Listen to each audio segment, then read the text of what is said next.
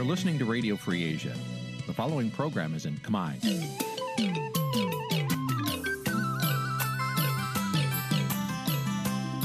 Nǐ chi càm bi tiệp xáy vệt chiu a zì sê ray នេះជាកម្មវិធីផ្សាយរបស់ Vithu Azisari ជាភាសាខ្មែរ វត្តឈូអាស៊ីសេរីសូមស្វាគមន៍លោកអ្នកនាងទាំងអស់ពីរដ្ឋធានី Washington នៃសហរដ្ឋអាមេរិក។ ចាប់ផ្សាយផ្ទាល់ពីរដ្ឋធានី Washington នាងខ្ញុំសកជីវីសូមជម្រាបសួរលោកអ្នកនាងកញ្ញាដែលកំពុងតាមដានការផ្សាយរបស់ Vithu Azizi សេរីទាំងអស់ជាទីមេត្រីចាយើងខ្ញុំសូមជូនកម្មវិធីផ្សាយសម្រាប់យប់ថ្ងៃអាទិត្យ4រោចខែមិញឆ្នាំឆ្លូវត្រីស័កពុរសករាជ2565ចាប់ត្រូវនៅថ្ងៃទី20ខែកុម្ភៈគ្រិស្តសករាជ2022ចាជាដំបូងនេះសូមអញ្ជើញលោកអ្នកនាងស្ដាប់ព័ត៌មានប្រចាំថ្ងៃដែលមានមេត្តាដូចតទៅ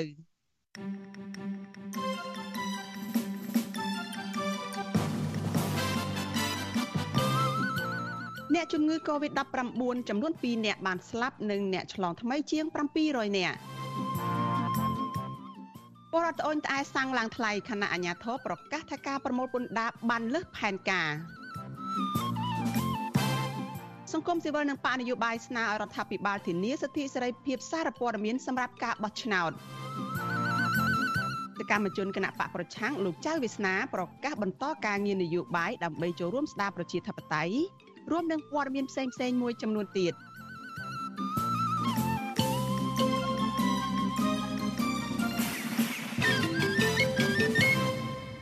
ចាជាបន្តទៅទៀតនេះនាងខ្ញុំសុជីវីសូមជូនព័ត៌មានទីនេះពិស្ដាចាលោកអ្នកនាងជាទីមេត្រីចាតតទៅនឹងការឆ្លងរាលដាលជំងឺ Covid-19 ក្រសួងសុខាភិបាលបានប្រកាសពីករណីថាមានអ្នកស្លាប់ដោយសារជំងឺ Covid-19 ឡើងវិញ បន្ទាប់ពីពុំមានអ្នកស្លាប់ដោយសារជំងឺនេះអស់រយៈពេលជិត50ថ្ងៃកន្លងមកចាករណីស្លាប់ថ្មីនេះមានចំនួន2នាក់ហើយសុទ្ធតែជាអ្នកដែលបានចាក់វ៉ាក់សាំងបង្ការជំងឺ Covid-19 រួចរាល់ប៉ុន្តែក្រសួងមិនបានបញ្ជាក់អំពីអត្តសញ្ញាណនិងទីកន្លែងរបស់អ្នកស្លាប់នោះទេចាចំណែកករណីឆ្លងថ្មីវិញក្រសួងសុខាភិបាលប្រកាសថាមានជាង700នាក់ដែលសុទ្ធសឹងតែជាមេរោគបំផ្លាញខ្លួនថ្មីប្រភេទអូមីក្រុងចាក្នុងនោះ 730នាក់ទៀតគឺជាករណីឆ្លងនៅក្នុងសហគមន៍ហើយ6នាក់គឺជាករណីនាំចូលពីក្រៅប្រទេសចាករណីឆ្លងថ្មីទាំងនេះចាប់ផ្ដើមហក់ឡើងវិញជាបន្តបន្ទាប់រយៈពេលជាមួយសប្តាហ៍ចុងក្រោយនេះចាគិតត្រឹមព្រឹកថ្ងៃទី20កុម្ភៈកម្ពុជាមានអ្នកកើតជំងឺ Covid-19 ប្រមាណ120,000នាក់ក្នុងនោះអ្នកដែលជាសះស្បើយក៏មានប្រមាណ120,000នាក់និងអ្នកស្លាប់វិញមានចំនួន3017នាក់ ក្រសួងសុខាភិបាលប្រកាសថាគិតត្រឹមថ្ងៃទី19ខែកុម្ភៈម្សិលមិញរដ្ឋាភិបាលចាក់វ៉ាក់សាំងគ្រប់ដូសជូនប្រជាពលរដ្ឋនោះបានជាង13លាន8សែននាក់នៅក្នុងចំណោមពលរដ្ឋដែលត្រូវចាក់ប្រមាណ14លាននាក់ដែលរាប់ចាប់តាំងពីកុមារដែលមានអាយុចាប់ពី5ឆ្នាំរហូតដល់មនុស្សពេញវ័យចារីឯដូសជំរុញគឺដូសទី3និងដូសទី4វិញរដ្ឋាភិបាលចាក់ជូនប្រជាពលរដ្ឋបានសរុបជាង7លាន1សែននាក់ ចាលោកនាងកញ្ញាជាទីមេត្រីចាលោកអ្នកកំពុងតែតាមដានការផ្សាយរបស់ Vithu Azizi សេរីចាប់ផ្សាយចេញពីរដ្ឋធានី Washington សហរដ្ឋអាមេរិកចាងាកទៅរឿងនយោបាយឯនេះវិញសកម្មជនគណៈបកសង្គ្រោះជាតិម្នាក់ដែលទើបតែចេញពីពន្ធនាគារថ្មីថ្មោងគឺលោកចៅវិស្នាលោកបានប្រកាសថានឹងបន្តការងារនយោបាយយ៉ាងសកម្មឡើងវិញដើម្បីចូលរួមស្ដារលទ្ធិប្រជាធិបតេយ្យនៅកម្ពុជា សកម្មជនបកប្រឆាំងនៅខេមរៈមន្ទីរលោកចៅវិស្នាចាត់តុការចាប់ខ្លួនដាក់ពន្ធនាគាររយៈពេល5ឆ្នាំកន្លងមកនេះថាជារឿងឈឺចាប់ដែលមិនអាចភ្លេចបានក៏ប៉ុន្តែរឿងនេះកាន់តែធ្វើជីវិតលោករឹងមាំហើយចង់ចូលរួមក្នុងជីវភាពនយោបាយដើម្បីជួយដល់សង្គមជាតិកាន់តែខ្លាំង។ចៅសង្កាត់ប៉ោយប៉ែតជាប់ឆ្នោតគណៈបកសង្គ្រោះជាតិលោកចៅវិស្នាប្រាប់វិទ្យុអាស៊ីសេរីនៅថ្ងៃទី20ខែកុម្ភៈថាចាប់តាំងពីពេលនេះតទៅលោកនឹងចោះណែនាំដល់ពលរដ្ឋនៅក្រុងប៉ោយប៉ែតនិងតាមបណ្ដាញសង្គម Facebook ដើម្បីឲ្យពួកគេគ្រប់គ្រងនិងបោះឆ្នោតជូនគណៈបកភ្លឹងទៀននៅពេលខាងមុខលោកយល់ថាការធ្វើបែបនេះដើម្បីចូលរួមចំណែកស្ដារប្រជាធិបតេយ្យនៅកម្ពុជាឲ្យរស់ឡើងវិញដោយសារលោកមើលឃើញថាសប្តាហ៍មានពលរដ្ឋមួយចំនួននៅតែភ័យខ្លាច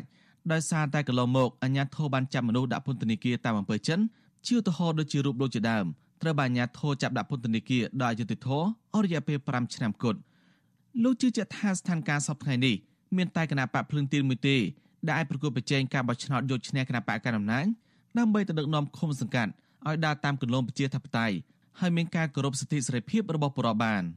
ខាងប្រឆាំងហ្នឹងធ្វើស្អីខុសមួយខ្ញុំដែលឃើញរត់រួចមួយទេដែលឃើញថាកិច្ចផុតពីសម្លាញ់ច្បាប់ហ្នឹងមួយទេសំបីតែយើងមិនបានធ្វើស្អីហ្នឹងគឺគេចាប់យើងបានតម្រាំតែយើងធ្វើអ្វីខុសអញ្ចឹងខ្ញុំមិនដឹងថាមាន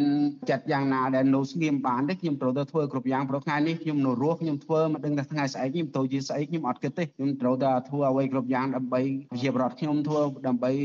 បងប្អូនដែលគាត់មិនចេះច្បាប់យើងធ្វើឲ្យគាត់នឹងចេះច្បាប់ចេះយល់ពីច្បាប់ហើយចេះតវ៉ាដើម្បីសេរីភាពទាំងអស់គ្នាមិនមែនសម្រាប់ខ្ញុំទេសម្រាប់បងប្អូនដែលទុនកសោយទាំងអស់ឲ្យគាត់រឹងប៉ឹងទាំងអស់គ្នា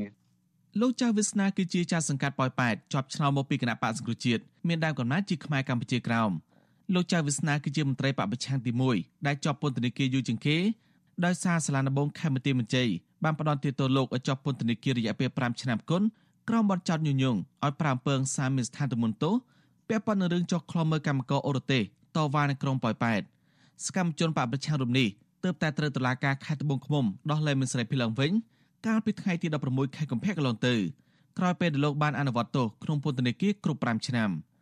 បន្ទាប់ពីលោកមានសេរីភាពគឺមានពលរដ្ឋជាច្រើនអ្នកបានមកដាក់គ្នាទៅសួរសុខទុក្ខលោកដល់ផ្ទះនៅក្រុងប៉ោយប៉ែតហើយលោកបានឆោតការនេះណែនាំដល់ពលរដ្ឋទាំងអស់នោះឲ្យក្លាហានហ៊ានបញ្ចេញមតិ រីក៏អំពើអសកម្មរបស់រដ្ឋាភិបាលហើយចូលរួមគ្រប់គ្រងដល់គណៈបកភ្លឹងទៀនឲ្យឈ្នះការបោះឆ្នោតនៅពេលខាងមុខតាក់ទងបញ្ហានេះអ្នកនាំពាក្យគណៈបកកណ្ដាលអំណាចលោកសុកអេសានប្រាវិទ្យាអេស៊ីសរ៉ៃថាមូលហេតុដែលអាញាធរចាប់លោកចៅវាសនាដាក់ពន្ធនាគារដោយសារលោកប្រព្រឹត្តខុសច្បាប់ដែលលោកអះអាងថាលោកចៅវាសនាបានចូលដៃជើងជាមួយអ្នកល្មើសច្បាប់លោកបន្តថាអាញាធរអនុចាំមន្ត្រីបពប្រឆាំងរូបនេះដាក់ពន្ធនាគារជាថ្មីទៀតប្រសិនបើលោកនៅតែម្រៀងចាល។ ធ្វើខុសច្បាប់ហើយអត់ដឹងថាខុសនឹងហើយដែលជាប់គុកនោះជាប់គុកដើម្បីគេឲ្យដឹងថាគាត់ខ្លួនធ្វើខុសច្បាប់ហើយបាននឹងវាចូលពន្ធនាគារបាទហើយបើថាគាត់នៅតែមិនត្រូវមិនមិនដឹងខុសច្បាប់ទៀតគាត់នៅប្រព្រឹត្តទៀតនឹងចូលគុកទៀតអាហ្នឹងរឿងតែប៉ុណ្្នឹងទេប្រទេសប្រជាធិបតេយ្យអឺ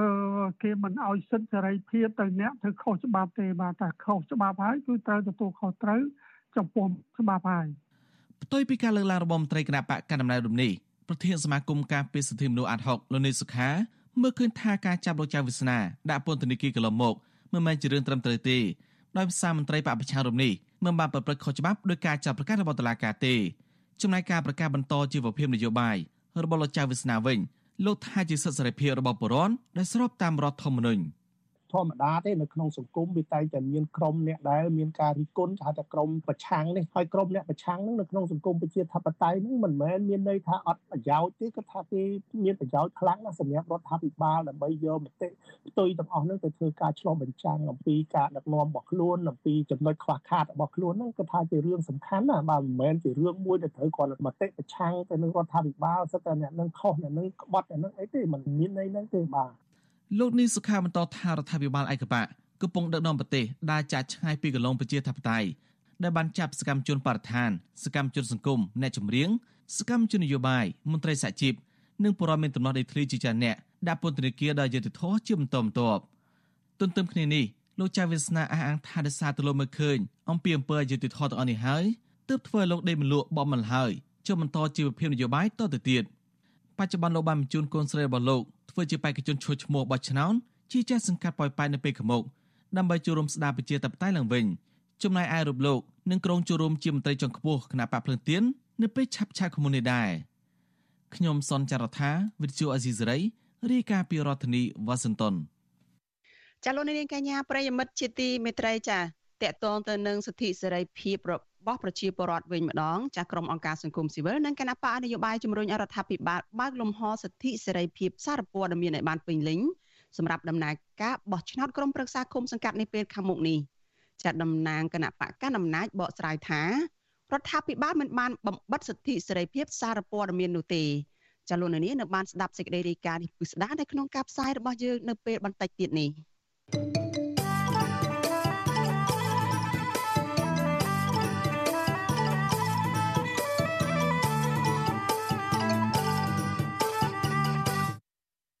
ចាលោកនាងកញ្ញាប្រិយមិត្តជាទីមេត្រីចាព័ត៌មានដាច់ដライមួយទៀតមជ្ឈមណ្ឌលសិទ្ធិមនុស្សកម្ពុជាហៅកាត់ថា CCHR ចេញប្រតិបត្តិព័ត៌មានមួយជារូបភាពដើម្បីប្រារព្ធទិវាយុត្តិធម៌សង្គមពិភពលោកថ្ងៃទី20ខែកុម្ភៈដោយរំលេចនៅបញ្ហាប្រឈមនានានៅក្នុងវិស័យការងារនៅកម្ពុជា ជាពិសេសបង្ហាញការងារកម្ពុជាថាជាពិសេសបង្ហាញបញ្ហានៅក្នុងវិស័យការងារនៅកម្ពុជាថាជាង90%គឺជាការងារនៅក្នុងផ្នែកសេដ្ឋកិច្ចក្រៅប្រព័ន្ធ ចានេះមានន័យថាអ្នកធ្វើការងារផ្នែកសេដ្ឋកិច្ចក្នុងប្រព័ន្ធមិនដល់10%ឡើយចាស្របពេលដែលនៅលើពិភពលោកអ្នកធ្វើការងារផ្នែកសេដ្ឋកិច្ចនៅក្នុងប្រព័ន្ធនេះមានជិត40%តួលេខនេះផ្អែកទៅលើរបាយការណ៍របស់អង្គការអន្តរជាតិខាងការងារដែលហៅកាត់ថា ILO សម្រាប់ឆ្នាំ2020នៅកម្ពុជាកម្មករផ្នែកសេដ្ឋកិច្ចក្រៅប្រព័ន្ធរួមមានអ្នកលក់ដូរនៅតាមផ្សារអ្នកលក់ដូរតាមដងផ្លូវបុគ្គលិកបម្រើការផ្នែកសេវាកំសាន្ត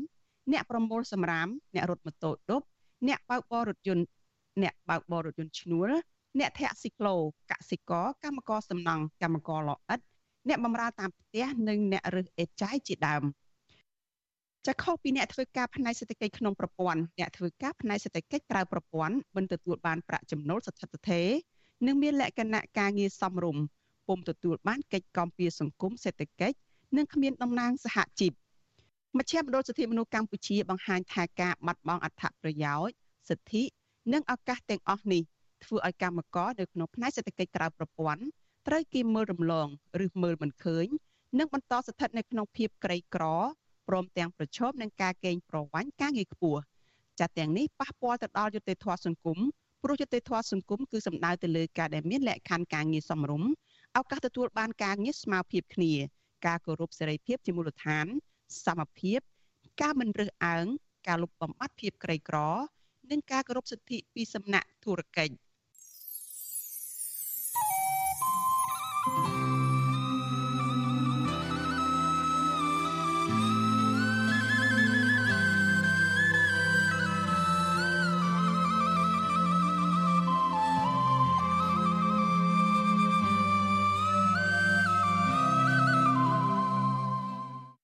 ចាលោកអ្នកនាងជាទីមេត្រីចាប់ប្រជាពលរដ្ឋមួយចំនួន ដែលផ្ដើមត្អូញត្អែ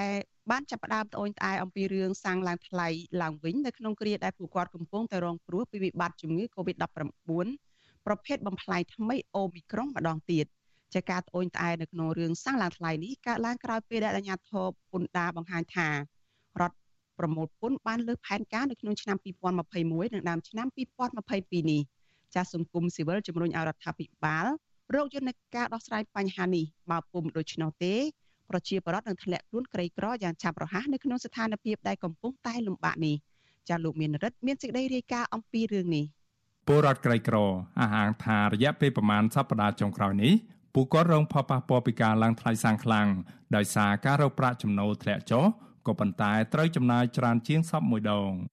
អ្នករត់រមាក់សណ្ដោងឬកង់3ម្នាក់នៅរាជធានីភ្នំពេញលោកសឿងអាសោក ឲ្យដឹងថាចាប់តាំងពីសាំងហក់ឡើងថ្លៃ1លីត្រជិត5000រៀលមកលោករត់រមាំមិនសូវបានសល់លុយនោះទេលោកព្រួយបារម្ភថាខែនេះលោកនឹងមិនមានលុយសងបំណុលធនាគារឡើយព្រោះជំងឺ Covid-19 មេរោគបំលែងថ្មីអូមីក្រុងកំពុងឆ្លងខ្លាំងហើយសាំងក៏ប្រជែងឡើងថ្លៃតាមគ្នាដែរលោកបន្តថានៅពេលសាំងឡើងថ្លៃបណ្ដាលឲ្យទំនិញសពគ្រប់មុខឡើងថ្លៃតាមដែរក៏ប៉ុន្តែប្រាក់ឈ្នួលរបស់កម្មករ ការប្រកបរបររកស៊ីរបស់អ្នករត់រមាក់កង់3ឬអ្នកប្រកបរបរក្រៅប្រព័ន្ធមួយចំនួនទៀតมันអាចឡើងថ្លៃបានតាមនោះទេព្រោះថាបើហ៊ានតែឡើងថ្លៃ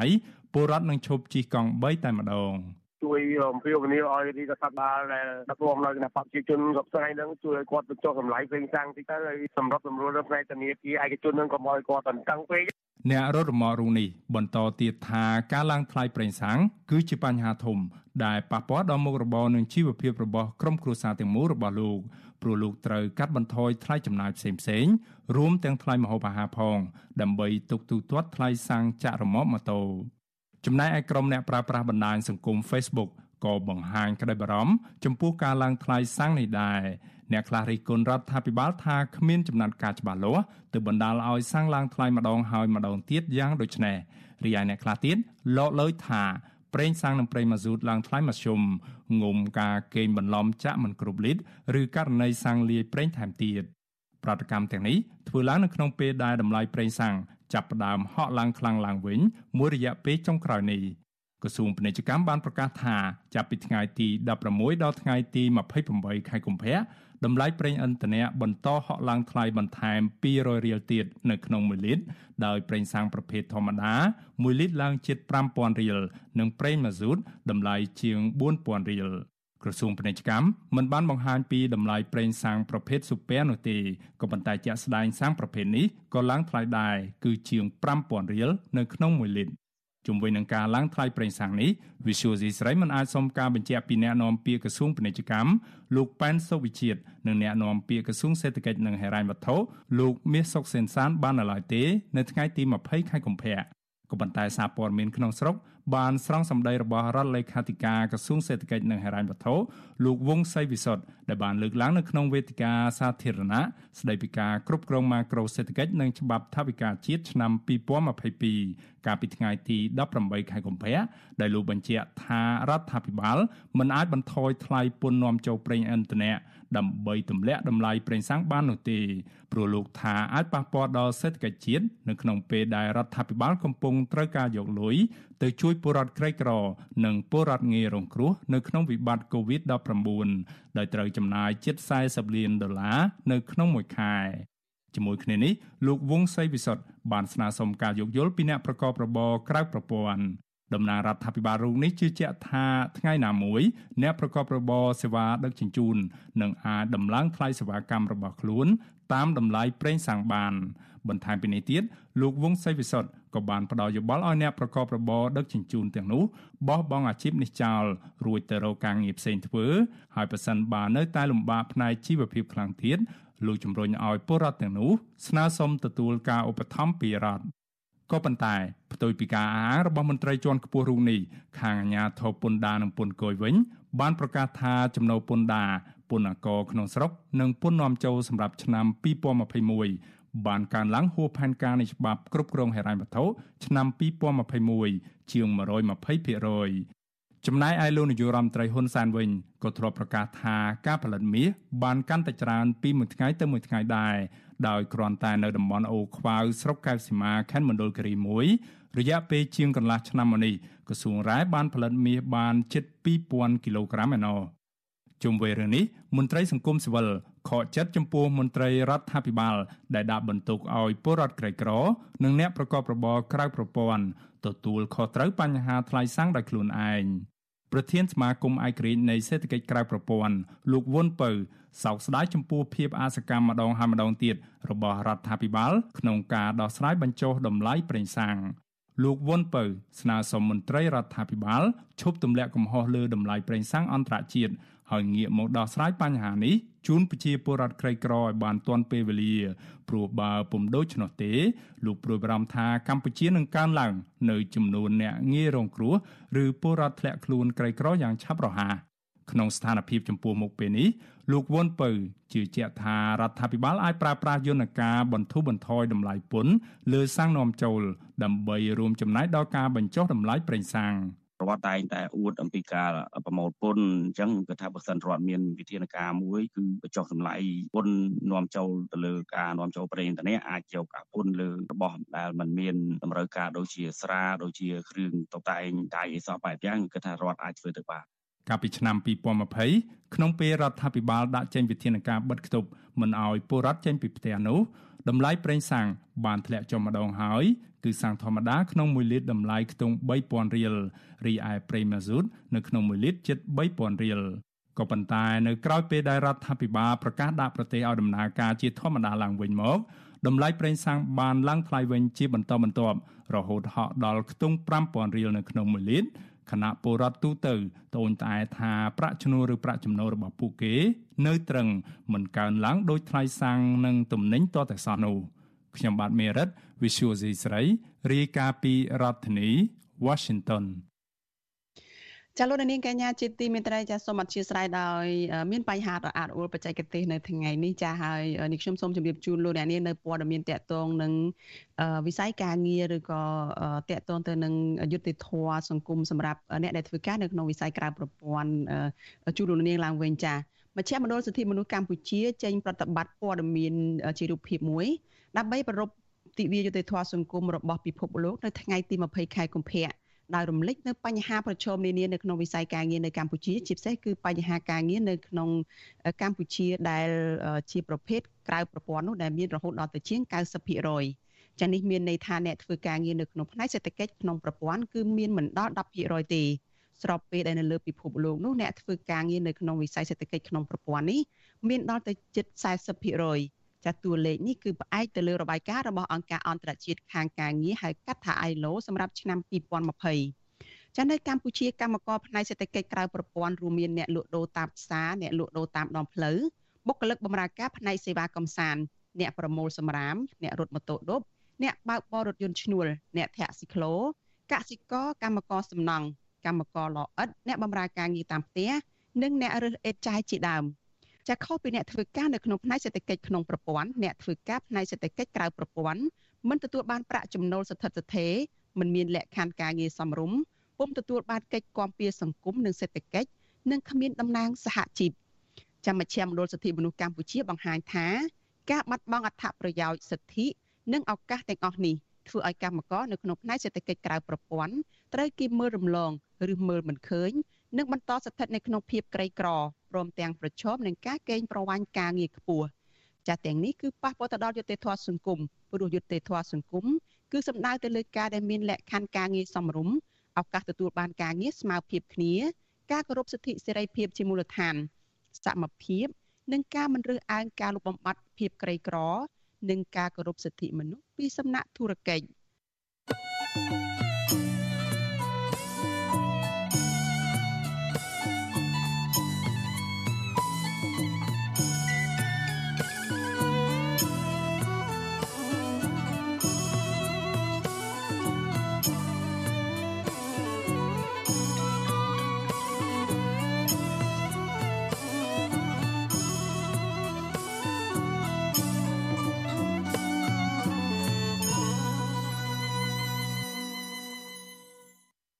ចាលោកនាងកញ្ញាជាទីមេត្រីចារឿងដាច់ដោយឡែកមួយទៀតចាសង្គមស៊ីវិលនិងពលរដ្ឋចង់ឃើញរដ្ឋាភិបាលទប់ស្កាត់បទល្មើសគ្រឿងញៀនឲ្យបានមានប្រសិទ្ធភាពខ្ពស់ជាងមុនដោយសារតែពួកគាត់មើលឃើញថាការអនុវត្តច្បាប់ពីសំណាក់អាជ្ញាធរខ្លះគឺខ្វះទទួលការខុសត្រូវនិងខ្វះកិច្ចសហការដែលធ្វើឲ្យបទល្មើសកើតឡើងជាគួរឲ្យមានក្តីបារម្ភទៅដល់ពលរដ្ឋដដែលចាអាជ្ញាធរប្រយុទ្ធប្រឆាំងគ្រឿងញៀននៃក្រសួងមហាផ្ទៃអះអាងថាសមត្ថកិច្ចបានយកចិត្តទុកដាក់បង្ក្រាបបទល្មើសគ្រឿងញៀន តែលោកទទួលយករឿងនេះទៅទាំងនោះទៅដើម្បីកែលម្អនិងពង្រឹងការអនុវត្តច្បាប់បន្តទៀតចាសសូមស្ដាប់សេចក្តីរាយការណ៍អំពីរឿងនេះរបស់លោកមួងណារ៉េតអង្គការសង្គមស៊ីវិលមួយចំនួនចង់ឃើញរដ្ឋាភិបាលលោកហ៊ុនសែនបង្ហាញវិធានការអនុវត្តច្បាប់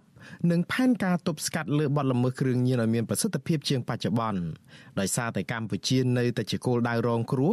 នៃការចរាចរណ៍និងជួញដូរគ្រឿងញៀនខុសច្បាប់ ប្រធានមជ្ឈមណ្ឌលប្រជាពលរដ្ឋដើម្បីអភិវឌ្ឍនិងសន្តិភាព លោកយងកឹមអេងមានប្រសាសន៍ថាលោកសាទរចំពោះវិធានការបង្ក្រាបបទល្មើសគ្រឿងញៀនរបស់សមាជិកពាក់ព័ន្ធជាបន្តបន្ទាប់កន្លងមកនេះក៏ប៉ុន្តែលោកមើលឃើញថាកន្លងទៅការអនុវត្តផែនការប្រយុទ្ធប្រឆាំងបង្ក្រាបបទល្មើសគ្រឿងញៀនរបស់រដ្ឋាភិបាលមិនទាន់គ្រប់គ្រាន់ដើម្បីកាត់បន្ថយការរីករាលដាលគ្រឿងញៀននៅក្នុងប្រទេសឲ្យមានប្រសិទ្ធភាពនៅឡើយទេលោកបន្តទៀតថាបញ្ហាដែលកើតឡើងនោះគឺដោយសារតែការអនុវត្តច្បាប់នៅធូររលុង ខ្វះការទទួលខុសត្រូវនិងខ្វះកិច្ចសហការរវាងក្រសួងស្ថាប័នរដ្ឋបញ្ហាបកពួកនិងគ្រួសារនិយម ដែលនាំឲ្យប្រជាពលរដ្ឋមិនហ៊ានរាយការណ៍ព័ត៌មាន និងបញ្ចេញមតិជំវិញករណីជួញដូរនិងប្រើប្រាស់គ្រឿងញៀននៅក្នុងសង្គម។ ទីមួយដែលសំខាន់ហ្នឹងគឺត្រូវតែយ៉ាងណាបើទលាយសេរីភាពដើម្បីជាបរិបទចូលរួមមតិដូចជាហ៊ានរាយការណ៍អំពីបញ្ហាគ្រឿងញៀនត្រូវតែពង្រឹងសមត្ថកិច្ចឲ្យមានសមត្ថភាពគ្រប់គ្រាន់នៅក្នុងការយុទ្ធប្រឆាំងនឹងបញ្ហាគ្រឿងញៀនតាមដានត្រួតពិនិត្យរបស់ថ្នាក់លើទៅលើការអនុវត្តរបស់ថ្នាក់ក្រោមនឹងត្រូវតែកាត់ផ្ដាច់នៅរឿងបកពួកនិយមខ្សែស្រឡាយហ្នឹងបាទធានការសំខាន់គឺធ្វើម៉េចលើកទីចិត្តឲ្យប្រព័ន្ធផ្សព្វផ្សាយចូលរួមឲ្យបានសកម្មបាទ ជាមួយគ្នានេះនាយកប្រតិបត្តិអង្គការសម្ព័ន្ធគណនេយ្យភាពសង្គមកម្ពុជាលោកសនជ័យឯណោះលោកសង្កេតឃើញថាស្ថានភាពនៃការទប់ស្កាត់បទល្មើសគ្រឿងញៀនពីសំណាក់អាជ្ញាធរមានសមត្ថកិច្ចនៅមិនទាន់មានភាពល្អប្រសើរនៅឡើយដែរហើយសង្គមស៊ីវិលនៅតែមានកង្វល់ជាខ្លាំងចំពោះការអនុវត្តច្បាប់ដែលនៅមានកម្រិតក្នុងស្ថានភាពវិបត្តិនៃការរីករាលដាលនៃជំងឺ Covid-19 អក្រិតជនមានឱកាសអាចពង្រីកក្រុមគោលដៅនិងឥទ្ធិពលបន្ថែមទៀត។ លោកចង់ឃើញស្ថាប័នពាក់ព័ន្ធអនុវត្តច្បាប់ទប់ស្កាត់គ្រឿងញៀនឲ្យបានជាក់លាក់ជាងមុន ចំពោះមធ្យោបាយផលិតនិងចែកចាយនិងការនាំចូលពីបណ្ដាញអក្រិតជន រួមទាំងក្រុមគោលដៅដែលជាអ្នកប្រើប្រាស់នៅទីក្រុងនិងជនបទដើម្បីឆ្លើយតបទៅនឹងយុទ្ធសាស្ត្រនិងគោលនយោបាយភូមិឃុំមានសវត្ថិភាពរបស់រដ្ឋាភិបាល វាតតែស្ថាប័នជាតិទាំងអស់នឹងរួមដៃគ្នាស្ទងមួយដាក់បញ្ហាគ្រឿងញៀននេះទៅជាបញ្ហាប្រឈមអស់គ្នាហើយស្ថាប័ននីមួយៗត្រូវធ្វើការដោយប្រុងប្រយ័ត្នបំផុតដើម្បីកុំឲ្យការសម្រេចចិត្តរបស់ខ្លួនខ្លះវាមានការឆ្លោះឆ្លួយតែប្រែคลายពីថោធាតុដើមយកមកផលិតជាជីទៅជាផលិតចេញជាគ្រឿងញៀនទៅវិញអញ្ចឹងត្រូវតែរកដំណោះស្រាយទៅលើបញ្ហារួម ការលើកឡើងទាំងនេះធ្វើឡើងបន្ទាប់ពីរដ្ឋាភិបាលដាក់ចេញផែនការស្តីពីយុទ្ធនាការប្រឆាំងគ្រឿងញៀនខុសច្បាប់លើកទី7សម្រាប់ឆ្នាំ2022កាលពីថ្ងៃទី9ខែកុម្ភៈដើម្បីអនុវត្តគោលការណ៍រួមឲ្យមានប្រសិទ្ធភាពដោយពង្រឹងនិងបំពេញបន្ថែមនៅការអនុវត្តច្បាប់ប្រយុទ្ធប្រឆាំងនឹងគ្រឿងញៀនខុសច្បាប់នៅក្នុងផែនការនោះរដ្ឋាភិបាលបានចេញនូវវិធានការដូចជាបន្តយកចិត្តទុកដាក់ផ្សព្វផ្សាយអប់រំច្បាប់និងគ្រោះថ្នាក់ដោយសារគ្រឿងញៀនព្រមទាំងបង្កើនសកម្មភាពស្រាវជ្រាវស៊ើបអង្កេត បង្ការទប់ស្កាត់និងលើកកម្ពស់សកម្មភាពប្រតិបត្តិការទប់ស្កាត់បង្ក្រាបដោយគ្មានយោគយល់ជាមួយគ្នានេះរដ្ឋាភិបាលក៏បានអះអាងថាខ្លួនបន្តពង្រឹងនិងជំរុញសកម្មភាពអនុវត្តវិធានការព្យាបាលនិងយន្តការតាមដានរួមទាំងការត្រួតពិនិត្យមុខសញ្ញាប្រើប្រាស់សារធាតុញៀនហើយអាជ្ញាធរត្រូវកសាងភូមិឃុំគ្មានគ្រឿងញៀនដោយប្រើប្រាស់យន្តការភូមិឃុំមានសវត្ថិភាពជាគោល ជុំវិញរឿងនេះអគ្គលេខាធិការនៃលេខាធិការដ្ឋានអាជ្ញាធរជាតិប្រឆាំងគ្រឿងញៀននៃក្រសួងមហាផ្ទៃលោកមាសវិរិទ្ធប្រាប់វិទ្យុអាស៊ីសេរីថាចំនួនបាត់ល្មើសគ្រឿងញៀនឆ្នាំ2021កន្លងទៅធៀបទៅនឹងឆ្នាំ2020គឺបានថយចុះក៏ប៉ុន្តែសរុបសារធាតុញៀនដែលសមត្ថកិច្ចចាប់យកបានគឺកើនឡើងលោកបន្តថាហេតុផលដែលរដ្ឋាភិបាលដាក់ចេញផែនការនេះគឺដើម្បីប្រើប្រាស់យន្តការដែលមានស្រាប់ និងធ្វើបច្ចុប្បន្នភាពការងារសកម្មបន្ថែមទៀតដើម្បីដោះស្រាយរាល់បញ្ហាប្រឈមនឹងការខ្វះខាត ជាពិសេសព្យាយាមស្វែងរកនិន្នាការថ្មីនៃការកើនឡើងគ្រឿងញៀនសំយោគដែលចេញពីសារធាតុគីមីផ្សំលោកមាសវិរិទ្ធអះអាងបន្តទៀតថាកន្លងទៅសមត្ថកិច្ចតែងតែយកចិត្តទុកដាក់ពង្រឹងសមត្ថភាពដើម្បីបង្ក្រាបបទល្មើសគ្រឿងញៀនបើទោះបីជាយ៉ាងនេះក្តីលោកទទួលស្គាល់ថាកន្លងទៅការអនុវត្តរបស់សមត្ថកិច្ចពិតជាមានចំណុចខ្វះខាត នៅក្នុងកម្រិតកិច្ចសហការក្របខ័ណ្ឌជាតិនិងអន្តរជាតិហើយលោកយល់ថាមតិយោបល់របស់ក្រុមអង្គការសង្គមស៊ីវិលនិងប្រជាពលរដ្ឋទាំងនោះគឺលោកអះអាងថានឹងយកទៅពង្រឹងនិងកែសម្រួលការអនុវត្តបន្ថែមទៀត កិច្ចសហប្រតិបត្តិការយើងទៅខ្វះខាតឬឆក់វែងឬក៏មិនទាន់រឹងមាំតែយើងតែងតែសម្រឹងគុណភាពសមត្ថភាពហើយនឹងកិច្ចសហប្រតិបត្តិការដែលយើងគ្មានស្ថាប័នណាមួយធ្វើកិច្ចការងារក្រាបគ្រឿងនេះតែឯងទទួលបានជោគជ័យវាទាមទារឲ្យមានការចូលទាំងក្នុងក្របខ័ណ្ឌជាតិគឺត្រូវការប្រជាពលរដ្ឋឲ្យមានការចូលបានមានដាក់ចេញនៅយុទ្ធនាការខាងគ្រឿងញៀនខុសច្បាប់សម្ដៅគៀកោកម្លាំងសរងរបស់សង្គមចូលរួមជាមួយនឹងអាជ្ញាធរមានសមត្ថកិច្ច របាយការណ៍របស់រដ្ឋាភិបាលបង្ហាញថាកាលពីឆ្នាំ2021សមត្ថកិច្ចបានបង្ក្រាបបទល្មើសគ្រឿងញៀនសរុបចំនួនជាង6000ករណីដោយឃាត់ជនសង្ស័យជិត14000នាក់ចាប់យកសារធាតុញៀនគ្រប់ប្រភេទសរុបទម្ងន់ជិត5តោននិងសារធាតុគីមីទម្ងន់ជាង80តោនរួមទាំងមធ្យោបាយសម្ភារៈនិងវត្ថុតាងមួយចំនួនផងដែរក្រុមអង្គការសង្គមស៊ីវិលព្រួយបារម្ភពីផលប៉ះពាល់ធ្ងន់ធ្ងរដល់សង្គមនិងប្រជាពលរដ្ឋជាពិសេសយុវជនចំនួនក្រោយ ដែលរងការបំផ្លាញអនាគតបាត់បង់ធនធានអភិវឌ្ឍជាតិប្រសិនបរដ្ឋាភិបាលមិនបានអនុវត្តយុទ្ធសាស្ត្រទប់ស្កាត់និងលុបបំបាត់គ្រឿងញៀននិងសារធាតុញៀនឲ្យបានច្បាស់លាស់និងទាន់ពេលវេលានោះទេពួកគាត់ចង់ឃើញរដ្ឋាភិបាលលើកកម្ពស់ប្រព័ន្ធផ្សព្វផ្សាយឲ្យបានទូលំទូលាយជាងមុន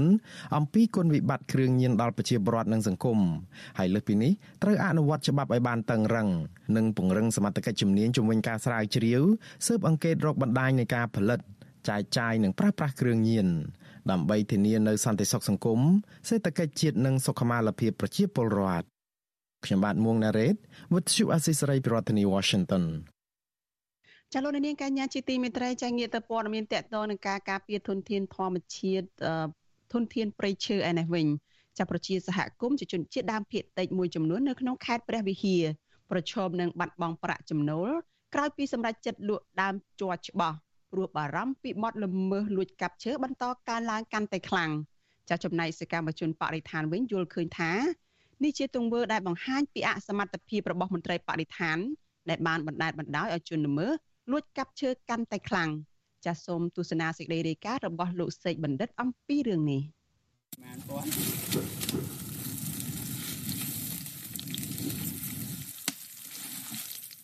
ជនជាតិដើមភាគតិច ដែលអាស្រ័យផលពីការដងជ័រទឹក នៅស្រុកត្បែងមានជ័យលោកថៃហ៊ុនរៀបរាប់ថា អ្នកដងជ័រទឹកខ្លះក្នុងខេត្តព្រះវិហារបានលក់ដើមជ័រច្បោះជាបន្តបន្ទាប់ព្រោះបារម្ភថា មានប្រជាពលរដ្ឋមកពីខេត្តផ្សេងលួចកាប់ដើមជ័រច្បោះក្នុងតំបន់របស់ពួកគេអាស្រ័យផលលោកថៃហ៊ុនអះអាងថាពលរដ្ឋដែលលបលួចចូលកាប់ឈើទាំងនោះ ចូលអាឈើក្នុងដែនជំរកសត្វព្រៃព្រះរកា និងស៊ីឈ្នួលដឹកឈើចេញពីព្រៃលក់ទៅឲ្យឈ្មួញនៅក្បែរក្បែរនោះបងប្អូនយើងខ្លះក៏គិតលក់ក៏ថាស្អីពីមុនថ្លៃឥឡូវនេះបច្ចុប្បន្នយើងឥឡូវនេះមិនថាថោកណែហើយអ្នកខ្លះក៏គិតថាហើយមានបញ្ហាថាបាត់ល្មើសច្រើនទៅច្រើនឡើងណាគាត់គិតថាបើសិនថាគាត់អឺយើងគិតអាស្រ័យផលក៏បានតិចបើសិនថាគាត់លក់វាបានច្រើនរាប់ម៉ឺនគេអោយណាបើថា500ដើមឯងក៏អោយ10000ជាងទៅ ខ្លះ20000ទៅតាមដើមតាមអីណាបាទវាបុកចេះបានហើយបរោះវ័យ35ឆ្នាំរូបនេះរិះគន់មន្ត្រីបរិស្ថាន ថាមិនបានយកចិត្តទុកដាក់អំពីបទល្មើសព្រៃឈើក្នុងដែនជំរកសត្វព្រៃព្រះរកាដែលធ្វើឲ្យពួកគាត់បាត់បង់ចំណូលពីការប្រមូលជ័រទឹកពីដើមជ័រច្បោះបន្ថែមពីលើនេះលោកថាជនជាតិដើមភាគតិចនៅក្នុងស្រុកត្បែងមិនជ័យខ្លះជំពាក់បំណុលធនាគារ ដោយសារតែតម្លៃជ័រច្បោះចុះថោកនៅសល់ត្រឹម80000រៀលក្នុងមួយកានឬ30លីត្របើប្រៀបធៀបពីកាលមុនលក់បានតម្លៃ120000រៀល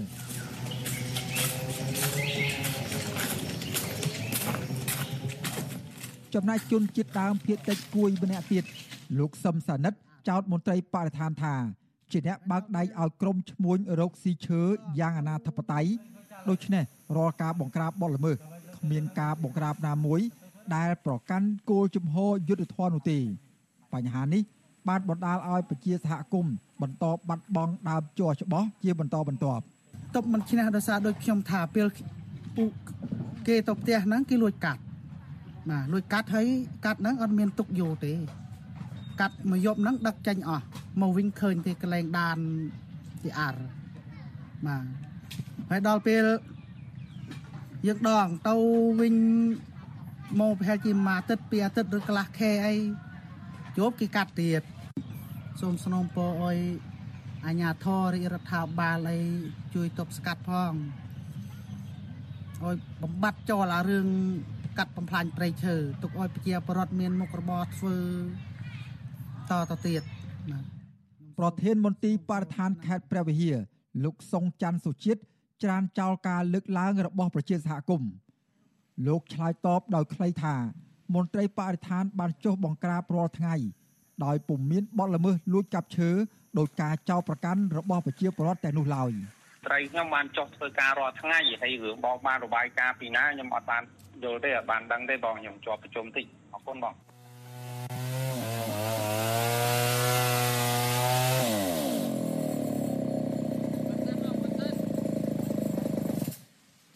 សុខ បាយបង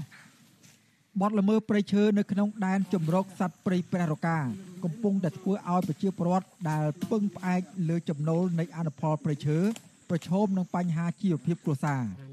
បញ្ហានេះបានធ្វើឲ្យប្រជាពលរដ្ឋខ្លះคลายខ្លួនជាអ្នកលួចកាប់ឈើ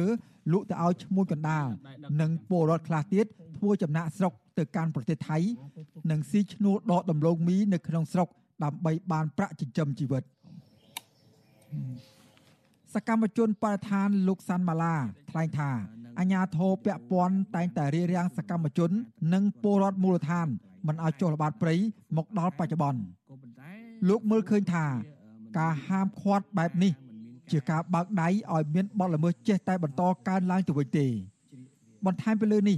លោករិះគន់មន្ត្រីបរិស្ថានថាអសមត្ថភាព ក្នុងការបង្ក្រាបបទល្មើសព្រៃឈើបើទោះបីខាងប្រជាសហគមន៍និងសង្គមស៊ីវិល បានបង្ហាញភ័ស្តុតាងបទល្មើសជាច្រើនកន្លងមកហើយក្តីយើងក៏ធ្លាប់បានដាក់ភ័ស្តុតាងជាវីដេអូជាសម្លេងជារូបភាពនិងវីដេអូដែលបានសាក់សួរជនល្មើសថាតកែគាត់ជាអ្នកណារស់នៅកន្លែងណាដែរធ្លាប់ដាក់ទៅក្រសួងបរិស្ថាន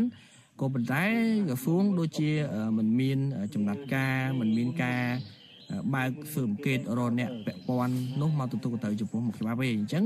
វាបង្កើតបានជាចម្ងល់សម្រាប់ពួកយើងថាថ្ងៃនេះក្រសួងកំពុងតែធ្វើអីហើយអ្វីជាបេសកកម្មពិតប្រកបរបស់ពួកគាត់បាទនៅពេលដែលមានផោះតាងមានតម្រុយមានសេចក្តីរាយការណ៍ពីការកំផ្លាញ់ពេឈើច្រើនហើយក៏នៅតែបដែតបដោយបែបនេះលើអេក្រង់បាទពីទំហំមកកាត់វាបាទហើយនេះទៅបានគេបាទ បាទគេជ្រៀកបាទយកក្តារតែគេដឹកទៅបាត់ហើយហើយយើងមិនដឹងថានៅពេលដែលគេច្រានចោលរបាយការណ៍កំ pl ាញពេឈើម្ដងម្ដងគេយកមូលដ្ឋានអីទៅច្រានអឺសកម្មជនបរិស្ថានរូបនេះយល់ថា ដើម្បីដោះស្រាយបញ្ហាបទល្មើសព្រៃឈើក្រសួងបរិស្ថាន និងអាជ្ញាធរត្រូវពង្រឹងការអនុវត្តច្បាប់ និងបើកទូលាយឲ្យសកម្មជនបរិស្ថាន និងប្រជាសហគមន៍មូលដ្ឋាន ចូលរួមចុះល្បាតព្រៃដោយសេរី បន្ថែមពីលើនេះលោកស្នើដល់រដ្ឋាភិបាលឲ្យយកចិត្តទុកដាក់ចំពោះជីវភាពរបស់ប្រជាពលរដ្ឋដែលរស់នៅតាមតំបន់ព្រៃឈើក្រសួងបរិស្ថានដាក់បញ្ចូលព្រៃព្រះរកាជាដែនជំរកសត្វព្រៃកាលពីឆ្នាំ2016ព្រៃអភិរក្សមួយនេះមានទំហំ96000ហិកតាគ្របដណ្ដប់លើភូមិសាស្ត្រប្រជុំ3ស្រុក គឺស្រុកជាំខ្សានស្រុកត្បែងមានជ័យ និងស្រុកឆែបរបស់ខេត្តព្រះវិហារក៏ប៉ុន្តែព្រៃនេះបានទទួលរងការកាប់ឈើធ្វើអាជីវកម្មខុសច្បាប់អស់រយៈពេលច្រើនឆ្នាំមកហើយសពថ្ងៃព្រៃអភិរក្សមួយនេះមានឆ្មាំអភិរក្សរបស់ក្រសួងបរិស្ថាន ចំនួន14នាក់ដែលជាចំនួនដ៏តិចតួច បើប្រៀបធៀបទៅនឹងទំហំព្រៃដែលត្រូវការពារខ្ញុំបាទសេកបណ្ឌិតវុទ្ធុអាស៊ីសេរីពីរដ្ឋធានីវ៉ាស៊ីនតោន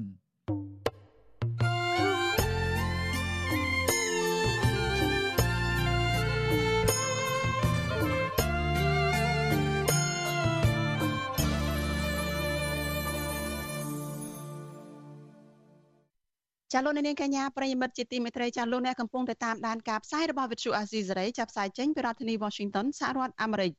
ចាក្រុមអង្គការសង្គមស៊ីវិលនិងគណៈបកនយោបាយជំរុញរដ្ឋាភិបាលបើកលំហសិទ្ធិសេរីភាពសារព័ត៌មានឲ្យបានពេញលេញសម្រាប់ដំណើរការបោះឆ្នោតក្រុមប្រឹក្សាគុំសង្កាត់នាពេលខាងមុខនេះចាប់ប៉ុន្តែតំណាងបកកាន់អំណាចបកស្រាយថារដ្ឋាភិបាលមិនបានបំបិទសិទ្ធិសេរីភាពសារព័ត៌មាននោះទេ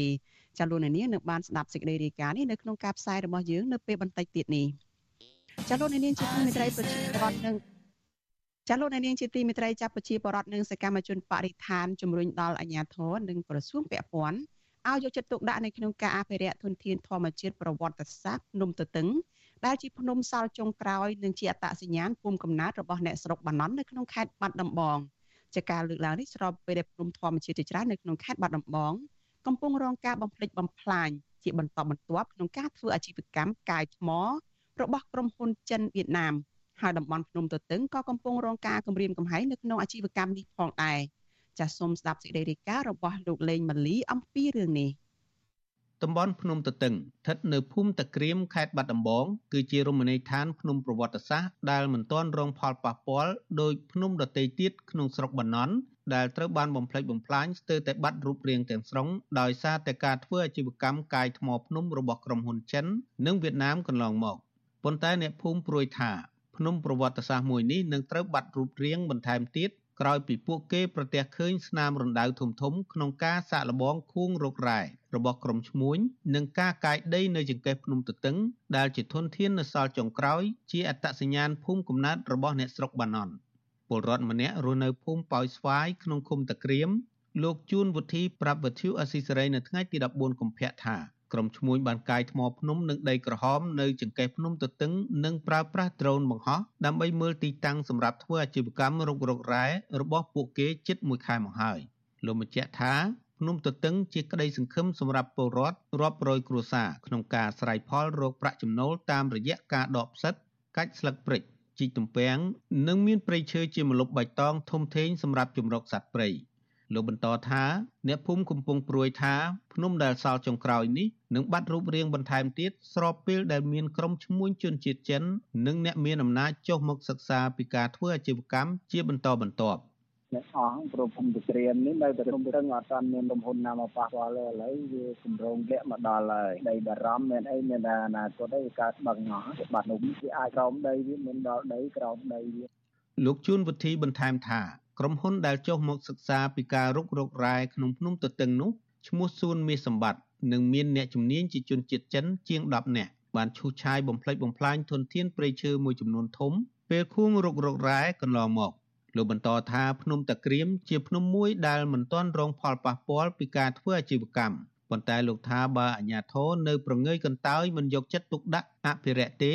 ភ្នំទទឹងនឹងក្លាយជាវាលរៀបដល់ដីដោយភ្នំផ្សេងទៀតជាក់ជាមិនខាន។ធ ម្មតាពួកចិនបរិយវាហើយទឹកសុតវាខ្លាយពីយើងដល់លើនោះវាអត់មានចោលពុកជុំបីតែកតុយបរិយអត់មានចោលចោលកន្លែងឡានលាងដានវាស្អាតចិនរហូតដល់ពីមុនមកដល់ពេញមុខនេះក្រុមហ៊ុនជួនមានសម្បត្តិក្នុងហាយនឹងលាងលុយឲ្យចិនជុំទៅបំផ្លាញជាតំសួរសម្រាប់ភូមិក្រៀមនេះអត់មានបានផលចំណេញអីពីពីក្រុមហ៊ុនអស់នេះថាក្តីអត់សង្ឃឹមរបស់គ្នាទៅថ្ងៃអនាគតនឹងអស់ភ្នំនោះគ្នាទៅរកអីការងារអត់មានទេទៅថៃទៅថៃក៏វាយ៉ាប់ទៀតឥឡូវហ្នឹង ស្រដៀងគ្នានេះដែរពលរដ្ឋម្នាក់ទៀតរស់នៅភូមិតងែនលោកសួនរក្សាមិនសង្ឃឹមថាអាជ្ញាធរនិងក្រសួងពាក់ព័ន្ធអភិរក្សការពារភ្នំទទឹងដើម្បីបន្សល់ទុកឲ្យកូនចៅជំនាន់ក្រោយបានស្គាល់នោះទេដោយសារតែលោកសង្កេតឃើញថាភ្នំជាច្រើនក្នុងស្រុកបាណន់ស្ទើរតែคล้ายជាវាលរៀបដល់ដីជាបន្តបន្ទាប់ក្រោមរូបភាពអភិវឌ្ឍរបស់ក្រុមហ៊ុនបរទេសនិងអ្នកមានអំណាចលោកបន្តថា អ្នកភូមិមិនសប្បាយចិត្តចំពោះវត្តមានក្រុមហ៊ុនដែលមកធ្វើអាជីវកម្មកាយថ្មភ្នំកន្លងមកនោះទេដោយសារតែបានបង្កផលប៉ះពាល់ដល់ជីវភាពប្រជាពលរដ្ឋនិងបានបំផ្លិចបំផ្លាញធនធានភ្នំប្រវត្តិសាស្ត្រដែលជានិមិត្តរូបភូមិកំណើតរបស់ពួកគាត់ 99%វាមានក្នុងប្រទេសនឹង99%វាមានរ៉ែនៅនឹងឯងប្រហែលជាងហិកតាដល់ហើយវាចិនវាឡើងទៅលួចដល់មិនអានោះអស់ដ្រូនទៅឃើញតែជីជើងក្រោមជើងយកអស់ដែលជីដីទេព្រោះវាទាំងសងខាងណាវិទ្យុអស៊ីសេរីមិនទាន់អាចតាក់ទងសុំការឆ្លើយតបជុំវិញរឿងនេះពីអ្នកនាំពាក្យក្រសួងបរិស្ថានលោកនេតភេត្រានិងអ្នកនាំពាក្យក្រសួងរាយនិងធម្មពលលោកយុសមនីរ៉ាតបានទេ នៅថ្ងៃទី14កុម្ភៈ ដោយសារទូរស័ព្ទហៅចូលគ្មានអ្នកទទួលប៉ុន្តែអ្នកនាំពាក្យសាលាខេត្តបាត់ដំបងលោកសឿមប៊ុនរិទ្ធមានប្រសាសន៍ថាអាជ្ញាធរមូលដ្ឋាននៅមិនទាន់ទទួលបានព័ត៌មាននេះនៅឡើយទេតែលោកអះអាងថាក្រុមហ៊ុនភៀកច្រើនដែលមកធ្វើអាជីវកម្មសុទ្ធតែមានអាជ្ញាប័ណ្ណពីថ្នាក់ជាតិនិងបានសិក្សាពីផលប៉ះពាល់បរិស្ថានច្បាស់លាស់លោកបន្តថាលោកនឹងបញ្ជូនមន្ត្រីនិងកម្លាំងជំនាញដើម្បីចុះត្រួតពិនិត្យនៅតំបន់ភ្នំទទឹងបន្ថែមទៀតក្រោយពីទទួលបានព័ត៌មាននេះ។ កាលខ្ញុំបានព័ត៌មាននេះខ្ញុំនឹងធ្វើការជាមួយនឹងអាជ្ញាធរស្រុកជាមួយនឹងមន្ទីរជំនាញដើម្បីឲ្យគេចោះទៅពិនិត្យមើលធម្មតាបើសិនជាគេករណីដែលគេមានច្បាប់អាជ្ញាប័ណ្ណអាហ្នឹងគេយកទៅលក់ដូរជាសម្ភារៈសំណង់ជាអីហ្នឹងទោះជាយ៉ាងនេះក្តីសកម្មជនការពារបរិស្ថាន លោកលីចន្ទរាវុធសង្កេតឃើញថាការធ្វើអាជីវកម្មថ្មភ្នំក្នុងស្រុកបាណន់កន្លងមកគ្មានតម្លាភាពកណន័យភាព និងមានការខុបខិតប្រព្រឹត្តអំពើពុករលួយជាប្រព័ន្ធ ដែលជាដើមចមសំខាន់ធ្វើឲ្យពលរដ្ឋមូលដ្ឋានមិនសប្បាយចិត្តហើយធនធានភោគទ្រព្យជាតិរងការបំផ្លាញបាត់រូបរាងជាបន្តបន្ទាប់យុវជនរូបនេះបន្តថាតំបន់ភ្នំទទឹងដែលជាធនធាននៅសល់ចុងក្រោយនេះគួរតែត្រូវបានថែរក្សាឲ្យបានគង់វង្សជៀសវាងការផ្ដល់អាជ្ញាប័ណ្ណឲ្យក្រុមហ៊ុនធ្វើអាជីវកម្មទាំងគ្មានតម្លាភាពបង្កភាពរិចរិលបរិស្ថាន និងប៉ះពាល់ដល់ប្រជាពលរដ្ឋថែមទៀត។ ហើយវាប្រកបមានមន្ទិលសង្ស័យជាច្រើនជុំវិញនឹងបញ្ហាពុករលួយនៅក្នុងនឹងដែលយើងសង្កេតឃើញថាបើយើងទៅមើលក្រុមហ៊ុនហ្នឹងបើមិនជាក្រុមហ៊ុនបរទេសក្រុមហ៊ុនចិនក្រុមហ៊ុនវៀតណាមក៏ជាក្រុមហ៊ុនដែលមានផ្ញើណាមួយដែលជិតស្និទ្ធនឹងអ្នកកាន់អំណាចគាត់ធ្វើការរកស៊ីយើងសង្កេតឃើញថាមានតិចណាស់នៅក្នុងការផ្សាយព័ត៌មានចេញមកខាងក្រៅបើមិនជាយើងអត់ទៅរករកព័ត៌មានទេហើយសូម្បីតែប្រជាពលរដ្ឋខ្លួនឯងហ្នឹងអ្នកខ្លះហ្នឹងក៏មិនដឹងថាគេធ្វើអីផង កាលពីអំឡុងខែមករាឆ្នាំ2021ជនជាតិចិនមានគ្នាជាង10នាក់បានប្រើប្រាស់ drone និងប្រព័ន្ធកុំព្យូទ័រដើម្បីសិក្សាស្រាវជ្រាវរករ៉ែមាសនៅតំបន់ភ្នំទទឹងរួចមកហើយបច្ចុប្បន្នក្រុមហ៊ុនឈ្មោះសួនមាសសម្បត្តិដែលមានកម្មករជនជាតិចិនរាប់រយនាក់កំពុងឈូសឆាយដីព្រៃធ្វើផ្លូវបណ្ដាបណ្ដាហើយដោយពលរដ្ឋសង្ស័យថាក្រុមហ៊ុននឹងចាប់ផ្ដើមបើកការដ្ឋាននិងនាំចូលគ្រឿងចក្រដើម្បីធ្វើអាជីវកម្មក្នុងរយៈពេលដ៏ខ្លីខាងមុខនេះជុំវិញរឿងនេះ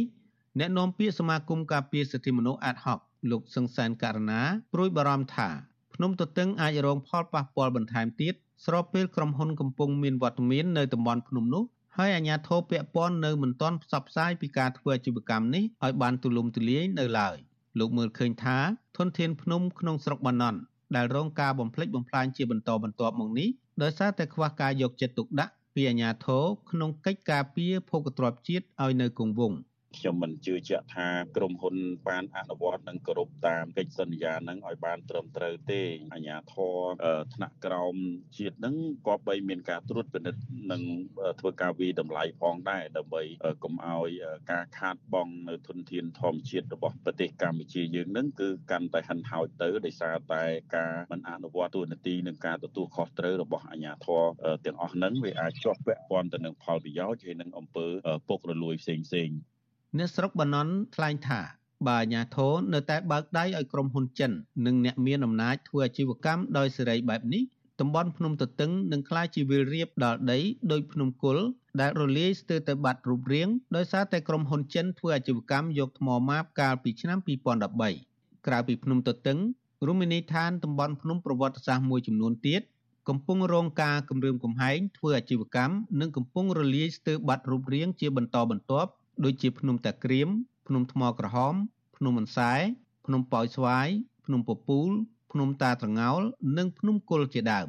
ភ្នំធម្មជាតិទាំងនេះធ្លាប់ផ្ដល់ម្លប់បៃតងស្រស់ស្អាតតាក់ទាញភ្ញៀវទេសចរប៉ុន្តែបច្ចុប្បន្នបានคล้ายជាការដ្ឋានជីកកោះកាយនិងកិនថ្មដោយមានគ្រឿងចាក់រាប់សិបគ្រឿងដឹកជញ្ជូនថ្មធ្វើអាជីវកម្មយ៉ាងកក្រឹកកក្រែងស្ទើរជារៀងរាល់ថ្ងៃខ្ញុំបាទលេងម៉ាលីវិទ្យុអស៊ីសេរីរាយការណ៍ពីរដ្ឋធានី Washington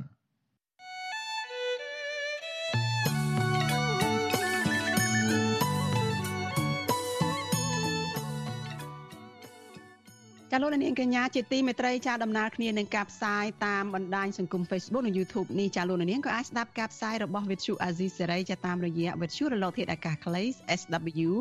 ចាតាមកម្រិតនិងកម្ពស់ដូចតទៅនេះចាពេលព្រឹកចាប់ពីម៉ោង5កន្លះដល់ម៉ោង6កន្លះតាមរយៈរលកធាតុអាកាសខ្លីចា9390 kHz ស្មើនឹងកម្ពស់ 32m និង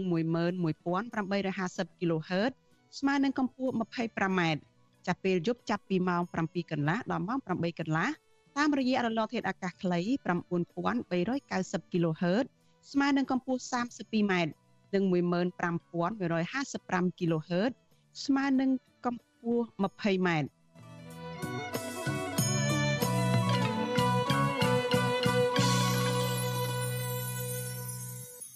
ចាលោកនាងកញ្ញាប្រិយមិត្តជាទីមេត្រីចាតត តងនឹងរឿងរ៉ាវដាច់ដライមួយទៀតចាមន្ត្រីសង្គមស៊ីវិលនៅក្នុងស្រុកជំរុញឲ្យរដ្ឋាភិបាលបង្ហាញព័ត៌មានឲ្យមានដំណាភាពជំវិញករណីក្រុមអ្នកជំនាញរបស់អង្គការសហប្រជាជាតិរកឃើញថាកម្ពុជាគឺជាទីកន្លែងដែលភ្នាក់ងារសម្ងាត់របស់ប្រទេសកូរ៉េខាងជើងមកបើកប្រតិបត្តិការជំនួញខុសច្បាប់ផ្សេងផ្សេងចាពួកគាត់យល់ថាការឆ្លើយបដិសេធឬក៏ឆ្លើយតបបែបសាច់ទឹកទៅវិញទៅមកពីខាងរដ្ឋាភិបាលមិនមែនជាជំរឿសល្អនោះទេ ជាការលើកឡើងនេះបន្ទាប់ពីក្រសួងការបរទេសកម្ពុជា បានច្រានចោលរបាយការណ៍របស់ក្រុមអ្នកជំនាញអង្គការសហប្រជាជាតិដោយចាត់ទុករបាយការណ៍នោះថាគ្មានមូលដ្ឋានត្រឹមត្រូវចាលោកសេកបណ្ឌិត មានសេចក្តីរាយការណ៍មួយទៀតអំពីរឿងនេះមន្ត្រីសង្គមស៊ីវិលនិងអ្នកឃ្លាំមើលបារម្ភថាកម្ពុជានឹងមានកេរ្តិ៍ឈ្មោះមិនល្អនៅលើឆាកអន្តរជាតិឬប្រឈមនឹងការដាក់ទណ្ឌកម្មប្រសិនបើរដ្ឋាភិបាលមិនបើកការស៊ើបអង្កេត និងមិនបង្ហាញព័ត៌មានឲ្យបានច្បាស់លាស់ជុំវិញការរកឃើញរបស់ក្រុមអ្នកជំនាញរបស់អង្គការសហប្រជាជាតិដែលថាបរោះកូរ៉េខាងជើង កំពុងបង្កប់ខ្លួននៅក្នុងប្រទេសកម្ពុជា និងបើកអាជីវកម្មធំធំជាច្រើនផ្ទុយពីបំរាមរបស់ក្រមប្រឹក្សាសន្តិសុខអង្គការសហប្រជាជាតិនាយកទទួលបន្ទុកកិច្ចការទូតនៃអង្គការលីកាដូ លោកអំសំអាត ថាអ្នកជំនាញអង្គការសហប្រជាជាតិអាចប្រមូលបានព័ត៌មានជាក់លាក់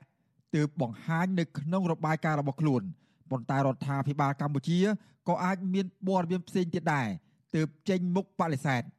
ទោះយ៉ាងណាលោកយល់ថារដ្ឋាភិបាលគួរតែជជែកនិងបង្ហាញអំណះអំណាងឲ្យបានច្បាស់លាស់ជាជាងគ្រាន់តែឆ្លើយបដិសេធបែបនេះ ព្រោះអាចនាំឲ្យមានមន្ទិលសង្ស័យឬការរិះគន់បន្តទៀតវាជាធម្មតាទេអារឿងការដែលសាច់ទឹកដាក់គ្នាអានឹងវាតែងតែអញ្ចឹងឯងប៉ុន្តែអ្វីដែលសំខាន់ត្រូវរកឲ្យឃើញអង្គហេតុពិតប្រាកដក្នុងដែរពីព្រោះអានេះវាជាមុខមាត់មួយរបស់រាជរដ្ឋាភិបាលកម្ពុជាដែរអញ្ចឹងរាជរដ្ឋាភិបាលកម្ពុជាក៏មានសិទ្ធិនៅក្នុងការបកស្រាយក៏ដូចជាការការពារខ្លួននៅក្នុងរឿងនោះដែរបាទជាមួយគ្នានេះ សមាជិកក្រុមប្រឹក្សាឃ្លាំមើលកម្ពុជាលោករងឈុនយល់ថាមុននឹងអ្នកជំនាញអង្គការសហប្រជាជាតិចេញរបាយការណ៍អំពីរឿងចរៈបរោះកូរ៉េខាងជើងបើកអាជីវកម្មធំធំជាច្រើននៅក្នុងប្រទេសកម្ពុជាបែបនេះគឺប្រកាសជារកឃើញព័ត៌មាន និងសិក្សាយ៉ាងដិតដល់ដូច្នេះប្រសិនបើរដ្ឋាភិបាលកម្ពុជា នៅមានការលាក់បាំងនោះមិនមែនជារឿងល្អនោះទេ ធ្វើឲ្យកម្ពុជាយើងមានការខាត់បងនៅពេលដែលអន្តរជាតិគេនឹងអាចដាក់ទណ្ឌកម្មមកលើកម្ពុជាយើងនៅថែមទៀតបើសិនជាកម្ពុជាយើងខົບខិតជាមួយកូរ៉េខាងជើងហើយខ្ញុំគិតថាក្រសួងការបរទេសកម្ពុជាគួរតែលាតត្រដាងការពិតជៀសវាងការបិទបាំងហើយបើសិនតែនៅតែបិទបាំងហើយមិនសម្ដែងការពិតអានឹងនៅពេលដែលគេមានវិធានការវាធ្វើឲ្យកម្ពុជាយើងបាត់បង់ផលប្រយោជន៍ ការលើកឡើងរបស់មន្ត្រីសង្គមស៊ីវិលនិងអ្នកឃ្លាំមើលបែបនេះគឺបន្ទាប់ពីក្រសួងការបរទេសកម្ពុជា កាលពីថ្ងៃទី17កុម្ភៈបានច្រានចោលទាំងស្រុងនៅរបាយការណ៍របស់ក្រុមអ្នកជំនាញរបស់អង្គការសហប្រជាជាតិដែលថាភ្នាក់ងារចារកម្មកូរ៉េខាងជើង បើកសន្តាគារកាស៊ីណូនិងទីភ្នាក់ងារទេសចរនៅកម្ពុជា ក្រសួងការបរទេសកម្ពុជាអះអាងថាអាជ្ញាធរកម្ពុជា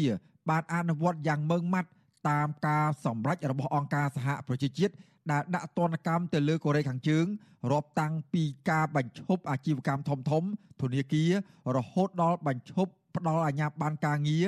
និងទឹកថាការការងាររបស់ពលរដ្ឋកូរ៉េខាងជើងនៅកម្ពុជាផងដែរចាប់តាំងពីឆ្នាំ2017ដល់ឆ្នាំ2019 ប៉ុន្តែក្រសួងការបរទេសកម្ពុជាមិនបានឆ្លើយតបនិងបង្ហាញព័ត៌មានជាក់លាក់អំពីអ្វីដែលក្រុមអ្នកជំនាញរបស់អង្គការសហប្រជាជាតិរកឃើញចាប់តាំងពីពាក់កណ្ដាលឆ្នាំ2020នោះឡើយការបំភ្លឺរបស់ក្រសួងការបរទេសកម្ពុជានេះក្រោយពីគេហទំព័រព័ត៌មាន NK News នៅសហរដ្ឋអាមេរិកបានផ្សព្វផ្សាយព័ត៌មានផ្ដោតលើប្រទេសកូរ៉េខាងជើងបានចេញផ្សាយនៅរបាយការណ៍បឋមរបស់អង្គការសហប្រជាជាតិ ថាភ្នាក់ងារចារកម្មកូរ៉េខាងជើងកំពុងបង្កប់ខ្លួននៅកម្ពុជានិងបើកអាជីវកម្មធំធំជាច្រើនរួមមានសន្តាគារកាស៊ីណូនិងទីភ្នាក់ងារទេសចរភោជនីយដ្ឋាន និងរង្គសាលជាដើមចាប់តាំងពីពាក់កណ្ដាលឆ្នាំ2020មកភ្នាក់ងារចារកម្មម្នាក់នេះមានឈ្មោះគឹមជុលសុក បានបើកដំណើរការអាជីវកម្មទាំងនោះក្រោមឈ្មោះសុខា តាមការបញ្ជារបស់ការិយាល័យឆ្លប់យកការទូទៅហៅកាត់ថា RGB នៃទីភ្នាក់ងារចារកម្មកម្ពុជារបស់កូរ៉េខាងជើងប្រពន្ធដដាលបញ្ជាក់ថាក្រុមហ៊ុនមួយក្នុងចំណោមក្រុមហ៊ុនជាច្រើនដែលមានឈ្មោះគឹមជុលសុកដែលបានបើកដំណើរការនោះគឺទីភ្នាក់ងារទេសចរពិភពលោក CH ដែលសម្របសម្រួលការដើរលេងកំសាន្តនៅអាស៊ីបូព៌ានិងអាស៊ីអាគ្នេយ៍កន្លងមករដ្ឋាភិបាលកម្ពុជាអះអាងថាអាញាធរបានបិទដំណើរការរបស់ទីភ្នាក់ងារទេសចរពិភពលោក CH និងបិទកេរនីរបស់ក្រុមហ៊ុននេះហើយប៉ុន្តែសារព័ត៌មាន KN News រកឃើញថា ទីភ្នាក់ងារទេសចរនេះនៅបន្តដំណើរការនៅឡើយកាលពី2សប្តាហ៍មុនលើពីនេះអាជ្ញាធរកម្ពុជា បានប្រាប់អង្គការសហប្រជាជាតិថាគឹមជុលសុកមានលិខិតឆ្លងដែនការទូតคล้ายៗប៉ុន្តែរបាយការណ៍របស់អង្គការសហប្រជាជាតិបញ្ជាក់ថាគឹមជុលសុកមានទំនាក់ទំនងជិតស្និទ្ធជាមួយមន្ត្រីជាន់ខ្ពស់របស់រដ្ឋាភិបាលកម្ពុជា ទើបអាចមានលទ្ធភាពធ្វើលិខិតឆ្លងដែននេះបានរបាយការណ៍របស់អង្គការសហប្រជាជាតិបន្តថាគឹមជុលសុកគឺជាអ្នកជំនួយម្នាក់ពាក់ព័ន្ធនឹងលោកទ្រីភិបដែលជាម្ចាស់ក្រុមហ៊ុនរកស៊ីជួញដូរឈើខ្នាតធំ ដែលសហរដ្ឋអាមេរិកពាន់នឹងរឿងប្រព្រឹត្តអំពើពុករលួយ កាលពីឆ្នាំ2019ជុំវិញរឿងនេះ វិទ្យុអាស៊ីសេរីនៅពុំទាន់អាចសុំការឆ្លើយតបបន្ថែមពីអ្នកនាំពាក្យក្រសួងការបរទេសកម្ពុជា លោកជុំសុនារី និងអ្នកនាំពាក្យក្រសួងពាណិជ្ជកម្មលោកសៀងថៃបានទេដោយទូរស័ព្ទចូលតែពុំមានអ្នកទទួលសមាជិកក្រុមប្រឹក្សាឃ្លាំមើលកម្ពុជាលោករងឈុនសង្ស័យថាប្រសិនបើជនជាតិកូរ៉េខាងជើងពិតជាបានបើកចំនួនផ្សេងផ្សេងនៅកម្ពុជា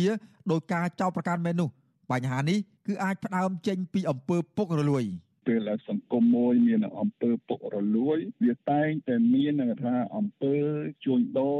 ខុសច្បាប់តាមរយៈការសោកប៉ាន់តាមរយៈផ្ដល់សំណូកអីសពបែបយ៉ាងហ្នឹងហើយយើងឃើញថាទស្សនវិជ្ជាទាំងអស់នេះវាមិនមែនជារឿងផលល្អសម្រាប់កម្ពុជាយើងទេហើយបើសិនជាកម្ពុជាយើងនៅតែបិទបាំងរឿងហ្នឹងខ្ញុំគិតថាវានឹងមានបញ្ហាសម្រាប់កម្ពុជាយើងហើយយកល្អគួរតែបិទហើយនឹងបោះសម្អាតអ្នកដែលមកវិនិយោគទុច្ចរិតឬមួយឈ្មួញដែលត្រូវបានគេថាបំរាមរបស់ក្រមប្រឹក្សាសន្តិសុខអង្គការសហប្រជាជាតិដាក់បំរាមកន្លងមកក្រមប្រឹក្សាសន្តិសុខអង្គការសហប្រជាជាតិបានសម្រេចដាក់ទណ្ឌកម្មជាបន្តបន្ទាប់ប្រឆាំងនឹងប្រទេសកុម្មុយនីសកូរ៉េខាងជើងដើម្បីឆ្លើយតបនឹងកម្មវិធីផលិតនុយក្លេអ៊ែររបស់ប្រទេសនេះវិធានការនោះបានហាម5រដ្ឋសមាជិកទាំងអស់នៃអង្គការសហប្រជាជាតិ មិនឲ្យបន្តទទួលកម្មករកូរ៉េខាងជើងធ្វើការឬលែងឲ្យមានការរកស៊ីបណ្ដាក់ទុនជាមួយនឹងប្រទេសឯកាមួយនេះតទៅទៀតក្រមប្រឹក្សាសន្តិសុខអង្គការសហប្រជាជាតិរកឃើញថារបបក្រុងភ្យុងយ៉ាង បានប្រមូលលុយពីពលករនិងអ្នកជំនួយរបស់ខ្លួននៅបរទេសទៅអភិវឌ្ឍកម្មវិធីផលិតនុយក្លេអ៊ែរសម្រាប់ប្រទេសកម្ពុជាវិញបើទោះបីជារដ្ឋាភិបាលលោកហ៊ុនសែនអះអាងថាបានអនុវត្តយ៉ាងម៉ឺងម៉ាត់ តាមការសម្រេចរបស់អង្គការសហប្រជាជាតិយ៉ាងណាក្តីក៏អ្នកជំនាញរបស់អង្គការសហប្រជាជាតិនៅតែរកឃើញថាជនជាតិកូរ៉េខាងជើង នៅតែមានវត្តមានរកស៊ីនិងធ្វើការនៅក្នុងប្រទេសកម្ពុជាករណីនេះបានធ្វើឲ្យក្រុមហ៊ុនជំនាញចាត់ទុកថាកម្ពុជា គឺជាអណ្ដូងរ៉ែមាសសម្រាប់ពលរដ្ឋកូរ៉េខាងជើង ដែលចង់បើកចំនួនរកស៊ីផ្សេងផ្សេងខ្ញុំបាទសេកបណ្ឌិតវុទ្ធុអាស៊ីសេរីពីរដ្ឋធានីវ៉ាស៊ីនតោន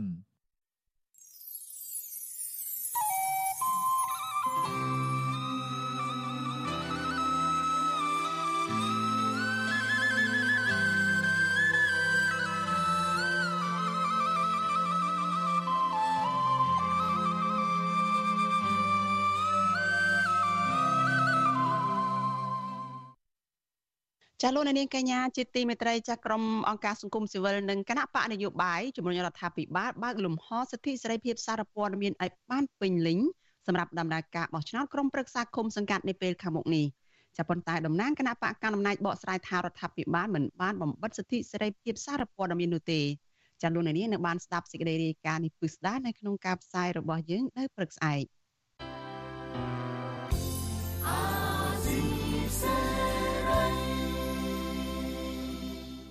ចាលោកនាងកញ្ញាប្រិយមិត្តជាទីមេត្រីចាការផ្សាយរបស់វិទ្យុអាស៊ីសេរីនៅយប់នេះចាចាប់ត្រឹមតែប៉ុណ្ណេះចានេះខ្ញុំសុកជីវីព្រមទាំងក្រុមការងារទាំងអស់នៃវិទ្យុអាស៊ីសេរីចាសូមជូនពរដល់លោកនាងកញ្ញា